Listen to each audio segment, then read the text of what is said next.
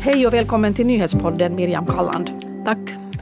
Jag har bjudit in dig hit för att prata om det som man kanske skulle kunna kalla för konsten att leda ett universitet. För eh, den frågan har ju blivit toppaktuell nu i svensk Finland eftersom veckans stora nyhet är att rektorn för Åbo Akademi fick sparken med omedelbar verkan.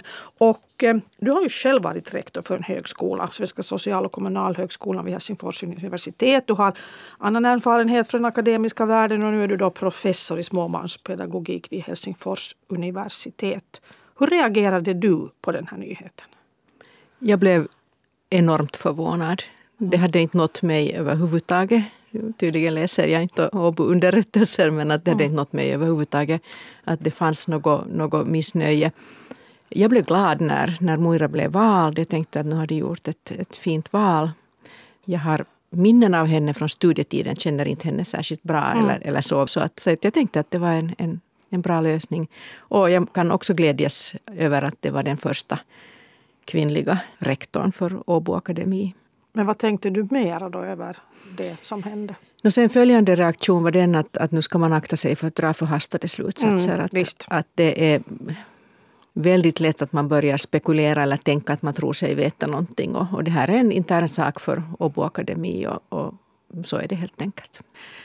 Du har ju själv då som jag sa varit rektor för en högskola, alltså i den akademiska världen. Hur är det här rektorjobbet? Ja, jag, jag började fundera på den här saken. På det, ur, ur, för det första ur den här ledarskapssynvinkeln mm. eftersom jag ju har lett också en, en organisation inom tredje sektorn, en stor organisation, mm. Mannehens barnskyddsförbund med, med över 500 eh, lokalorganisationer. Mm. Um, och skillnaden mot liksom den akademiska världen. Och i den akademiska världen lever det tre samtidiga organisationskulturer och det är det som gör det svårt. Okej, okay, det får du förklara. Ja, den första är den här, hur ska jag säga, den här gamla maktstrukturen som finns eh, med sina symboler.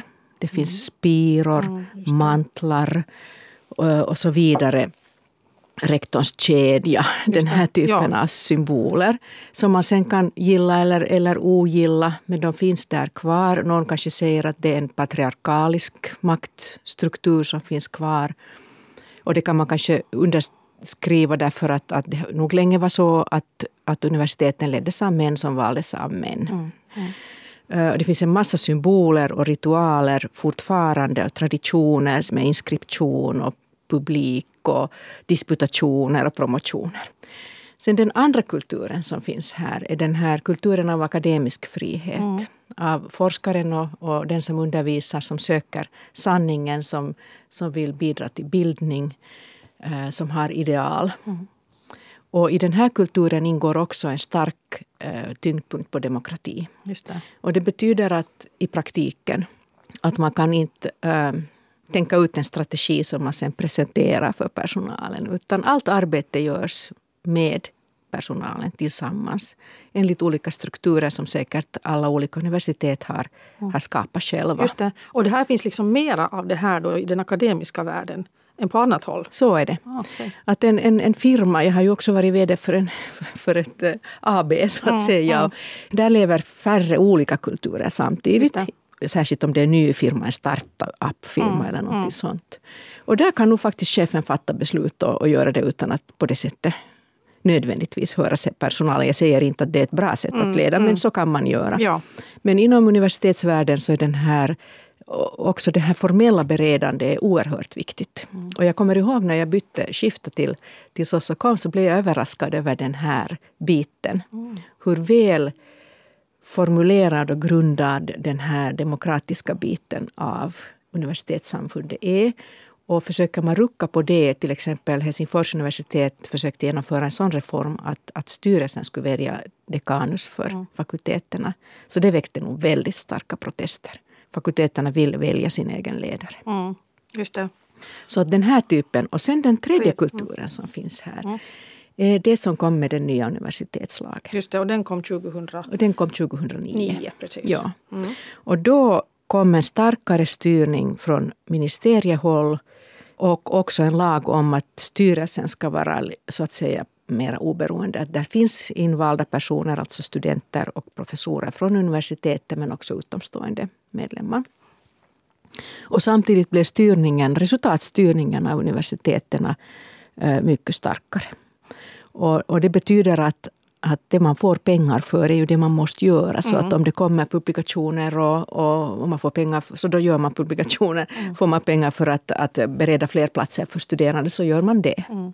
Och alla de här tre kulturerna som finns inom den akademiska världen är inte nödvändigtvis väldigt lätta att sammanfoga. Nej, för jag tänker det när jag hör det här när du säger så här så tänker jag att, att som rektor och ledare så behöver man ju specialkunskaper på något vis för alla de här tre områdena som du pratar om. Så är det. Det som det ju som ju styrelsen och styrelseordföranden för Åbo Akademi säger är ju då att Eh, det var, alltså orsaken till att Moira von Wright får gå är eh, att det fanns problem i ledarskapet och kommunikationen fungerade dåligt. Men mot bakgrund av det du säger nu då så, så förstår man ju det då att just de egenskaperna, utan att nu ta ställning till vad som har hänt där, men i varje fall att de egenskaperna blir väldigt betonade. Det blir nog väldigt betonande just i den delen. Det är någon som har jämfört ledande av ett universitet med att försöka leda flock med katt. Okay. Och vi kan ju var och en fundera hur katter beter sig. Mm. Och när de går och nosar lite hit och dit och försöka få dem liksom samlade kring mm. i en, en riktning. Så mm. det är nog en, en svår uppgift. Och, och det där, därför skulle jag säga att, att det, det är nog verkligen en sån uppgift som man lär sig långsamt. Och sen skulle jag säga så här att den här pandemitiden när man har varit tvungen att sköta det här på distans nog säkerligen har försvårat den här den här situationen. Mm. Men hur ska en bra ledare i den akademiska världen då mot bakgrund av allt det här du nu har sagt, hur ska den, hur ska den då leda? No, jag skulle säga så här att, att ännu, det finns ännu en paradox i ledarskapet. Mm. Det är det att man kan ju inte leda, det ingår ju i det om ingen följer. Så det, det liksom ingår ju hela tiden i ledarskapet att man behöver stöd för det där ledarskapet. Man behöver få stöd för sin organisation. Och om någon vill dra mattan under en ledare så är det jättelätt. Man helt enkelt, för man förstår ju inte ens vilka frågor man ska ställa. Och vilka papper man ska begära om inte man har en god förvaltningschef och en, och en god ekonomichef som stöder en i, i det här arbetet. Och, och, jag har varit väldigt lyckligt lottad på det sättet att jag har haft enormt stöd från just de här för, för det första de här närmaste där runt omkring som har berätt, berättat mig vad jag ska tänka på och hjälpt mig att bli en bättre ledare än jag annars skulle ha varit. Och, och sen behöver man det här stödet från, från hela universitetssamfundet och där inbegrips alltså studerandena, all personal och så vidare. Så det är nog en jätteuppgift att börja det och sen drabbas världen av en pandemi. Så jag säger att det har nog inte säkert varit lätt. Nej. Så det handlar väldigt mycket om förtroende uttryckligen.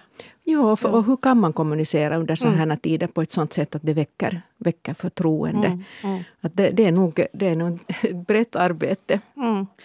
Men det här då som du sa om den nya universitetslagen och de kraven som den lagen då förde med sig så är just precis det här att det, en, det blir en starkare ekonomisk, det är en starkare ekonomisk styrning. Det är mera resultatkrav. Allt det här har det ju pratats väldigt mycket om. Hur fungerar den biten då kombinerat just med allt det här med den akademiska friheten och det? Det är just det som är lite knepigt. Mm. Och, och då stöter det ju förstås på patrull så att säga i organisationen när, när man hamnar och funderar på de här sakerna. Man ska leda ett universitet så att, och, och nu talar jag delvis lite utan egen erfarenhet men bara mm. med den lilla erfarenhet mm. jag har av, av Sossocom mm. som var då en, en autonom enhet på det sättet med egen budget och så här. Så det handlar ju om att försöka leda i en sån riktning att man på något sätt samtidigt äh, bereder personalen möjligheter att göra sitt jobb och sen samtidigt tillfredsställer de krav som kommer utifrån på prestationer och så här. Att ledarens största uppgift är ju ändå den att, att hen får ger utrymme åt personalen och lugn och ro åt personalen att göra sitt jobb. Mm. Och åt studenterna att studera. Mm. Att, och det här är inte alls något lätt. Och, och där, på Sossocom fanns det bra grundstrukturer för hur, hur man träffar studenterna regelbundet, hur man uh, kunde kommunicera med personalen. Sen det andra som är oerhört viktigt och oerhört svårt som ledare är att, att ur den här kritiken som obevekligen kommer ta till sig det som är relevant och viktigt att man är ödmjuk och inser att okej, okay, där gjorde jag bort mig, det här kan jag göra bättre. Man lär ju känna sig själv när man är ledare. För man märker att oho, jag trodde att jag var bra på att kommunicera, jag är inte alls bra på att kommunicera. Mm. Jag trodde till exempel att jag var bra på att ge positiv feedback. Jag fick feedback på att jag inte alls är så bra på att ge positiv feedback. Ja, och då märker man att aha, här finns någonting att bättra. Men sen kan det också finnas, ledaren projiceras ju en massa förväntningar mm. obevekligen. Mm, och egna problem. Och egna problem mm. och, och, och ledaren får bära ansvaret för allt möjligt. Och då att, att sen sålla ut från den här kritiken det som är, är verkligen värt att jobba på och det som, som man måste förstå att sånt, sånt talas det men det kanske inte nu i det här fallet ändå var helt rättvist. Så mm. den, här, den här biten är inte så lätt. Och, och då skulle jag säga en sån sak att, att nu när jag funderar på ledarskap så det allra viktigaste som jag nu säger och jag är själv förvånad över att jag säger det är att lära sig god förvaltningssed. Mm. Så jag skulle ha länge trott att det där med att kommunicera och allt det där det, det är det absolut viktigaste. Mm. Men god förvaltningssed handlar om hur man hanterar ärenden. Hur man eh, anställer, hur man bereder. Det handlar om jäv, det handlar om alla möjliga sådana saker som um, ger återspegling i hela strukturen. Och det intressanta är det att om man har gott stöd för det här uh, så då börjar personalen se att man försöker vara rättvis, att man hanterar alla personer och alla ärenden på det sätt som, som instruktionen förutsätter. Och, och då blir det liksom man, får, man, har en bra grund att stå på. Och sen på det där kan man ännu försöka utveckla sina kommunikations och mm. andra egenskaper. Men den där goda förvaltningsseden är basen för allting. Att allt går så korrekt till så, som precis, möjligt. Precis, att det inte blir en sån där känsla av att, att här är något mygel eller mm. någon får mer än vad den förtjänar. Eller. Mm. Och det andra som jag skulle säga kanske här nu äh, är nog det att det finns liksom en myt om, om sån här dream team som jag gärna skulle slå hål på. För att det okay. verkligt viktiga är inte att man har mm. människor som man tycker, att, tycker som man själv där runt omkring. Mm. Utan att man är väldigt noga med att involvera i alla processer de som motsätter sig de här processerna. För de kan ha något jätteviktigt att komma med. Så jag skulle också säga att det här förändringsmotstånd är väldigt viktigt. Hur skulle den här världen se ut om vi skulle vara utan förändringsmotstånd? Mm. Mm. Och här, precis, förändringsmotstånd säger du för att det finns ju i alla organisationer. Det finns i stora organisationer och det finns kanske särskilt just i de här som bär på såna här ärevördiga traditioner och så. Och, eh, eh, Moira von Wright säger ju det också nu efter eh, att hon blev uppsagd, att hon upplevde att det fanns ett förändringsmotstånd inom Åbo Akademi. Hur är det i den akademiska världen? Är det här motståndet större där än på annat håll? Det finns och jag tycker som sagt att det är en bra sak.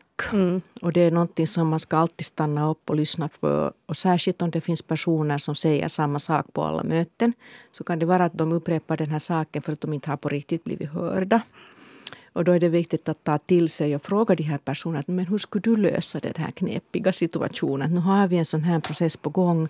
Hur ska vi göra? Att man verkligen involverar personalen och, och själv blir klokare på det sättet. Men är det större en annanstans. No, det kan hända att på grund av de här tre traditionerna, ja. så, eller tre kulturerna mm. som lever sida vid sida, så kan det hända att, att det är större därför att man kan alltid falla tillbaka på någon av de här bitarna. Mm. Men, men nu är det inbyggt i oss alla. Mm. Och, och, nu finns det i alla organisationer i olika grad. Det finns ju alltid de här föregångarna och, och så finns det de som som så småningom kommer med och så finns det de som, som är allra sist med på kälken. Så här stora skepp som universitet är jättetunga att vända och det tar lång tid. En aspekt till i det här sammanhanget är ju det då att vi, vi talar om svensk Finland och då blir det ju eh, ganska små kretsar. Spelar det någon roll här? Det finns ju den risken att det finns något sådana osynliga strukturer och överenskommelser som man klampar in och bryter utan att veta om det. Och, och då kommer det en, ett motstånd som inte bygger, sig, bygger på det här eh, viktiga och naturliga som jag talade om mm. utan som kan vara någonting annat som man inte kan sätta egentligen ord på som är oskrivet. Och, och de strukturerna kan nog finnas i den akademiska världen och de kan vara sådana som slår hårt tillbaka. Nu är jag kanske lite inspirerad att jag har tittat på, på dokumentär om det här politiska livet i Finland. Och, Just det, precis. Ja, ja. Mm. Så att jag, jag, är inte säker på att jag är ute i, i mm. rätt väder alls. Mm. Men, men där kan man ju också fundera över att i vilka olika positioner folk råkar ut för det. Att de blir kritiserade av precis alla, sitt eget parti, andra partier och så vidare. Och jag mm. tror nog att, att det här kan finnas i, inom universitetsvärlden också. Att man kan bli väldigt ensam sen till slut. Om, om det går så. Tack för det här samtalet och den här analysen. Miriam Kalland, professor i småbarnspedagogik vid Helsingfors universitet. Jag heter Karin Götelid och det här var Nyhetspodden. Yle Arenan